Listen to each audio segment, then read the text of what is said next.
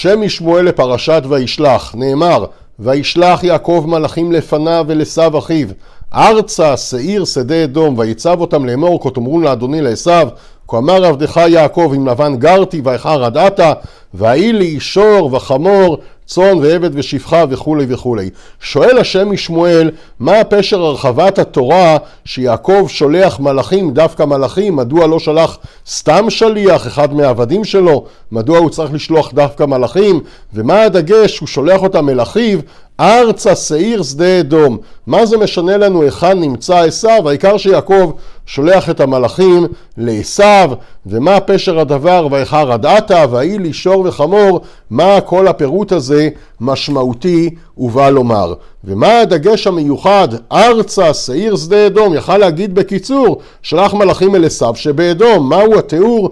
ארצה שעיר שדה אדום. מבאר השם משמואל דבר יסודי בעניין עבודת השם ובשאלה מיוחדת איך פועל הטוב מול הרע. מביא על פי דברי הזוהר הקדוש שהר שעיר שם משכנו של הסמ"ם ומשרתי. כלומר, גם בעולם ישנם כוחות של טומאה, כוחות של טומאה שחלק מהם קשורים למקום, אפילו למקום הגיאוגרפי, עד כדי כך האלוקות מתגלה בכל דבר, וישנם מקומות ששם הם מיועדים לכוחות של טומאה וחוסר קדושה. שם הרגיעה הלילית ומצא לה מנוח, וזוהי הרישה ידועה. איך שלא ייקרא, אומר הזוהר הקדוש, ישנם קליפות שנקראים עננים חשוכים שמכסים על נהורין. עננים חשוכים, מין חורים שחורים שמכסים לגמרי על האור, כל כך חשוך הדילאון עד אלו יחלי נהורה לאנר אלון.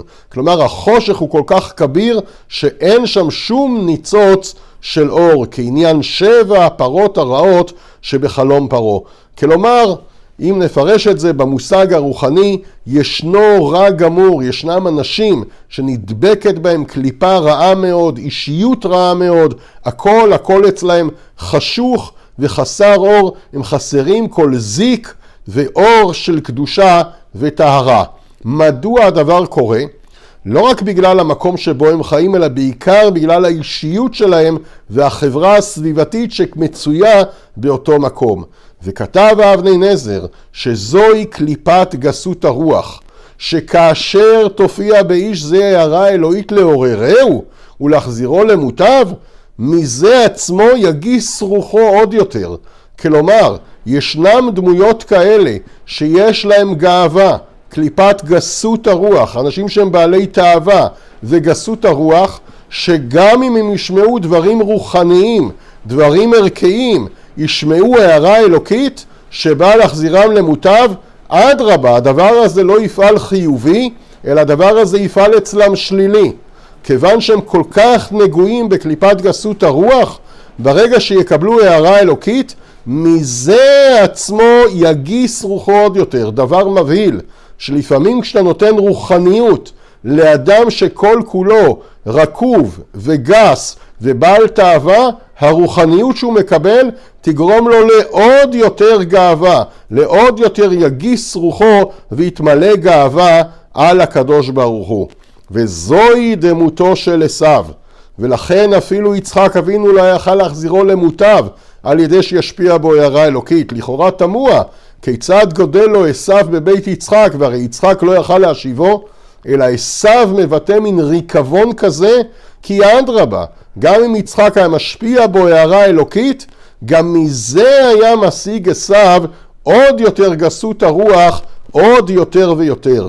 וכל זה כותב השם משמואל, תוקף כוחו של עשיו וגסות הרוח שבו, הכל נסתעף מחמת מקומו הטמא, הר שעיר.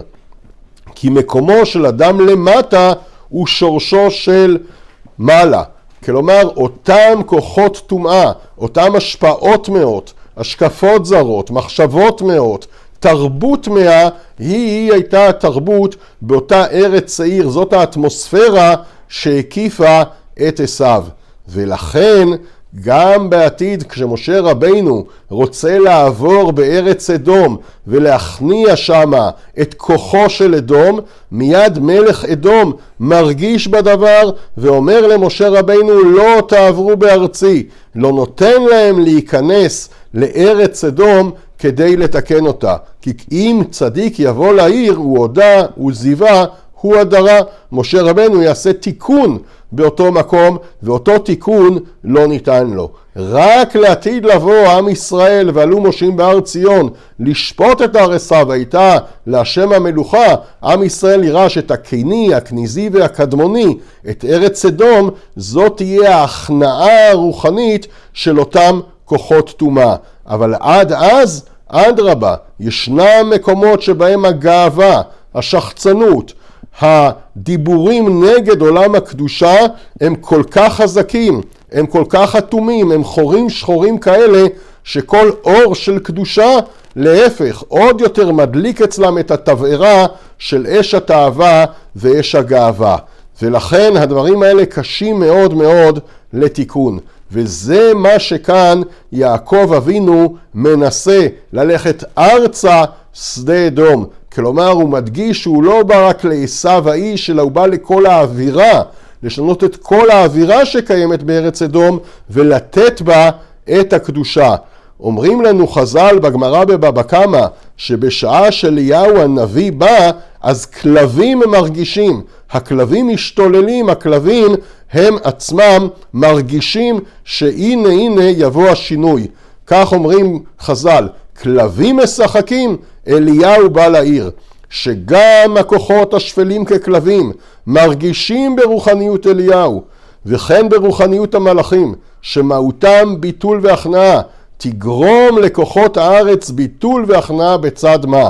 כלומר יעקב אבינו מנסה כאן לשלוח מלאכים, לא סתם שליח, מין עבד שרק יביא איגרת לעשו, אלא הוא מנסה לשלוח כאן את המלאכים, מלאכים עליונים, אלה השפעות רוחניות חזקות כמו שאליהו בא לעיר כלבים משחקים, כדי שגם הכוחות השפלים שבארץ אדום ינסו להתעורר וינסו לחזור בתשובה.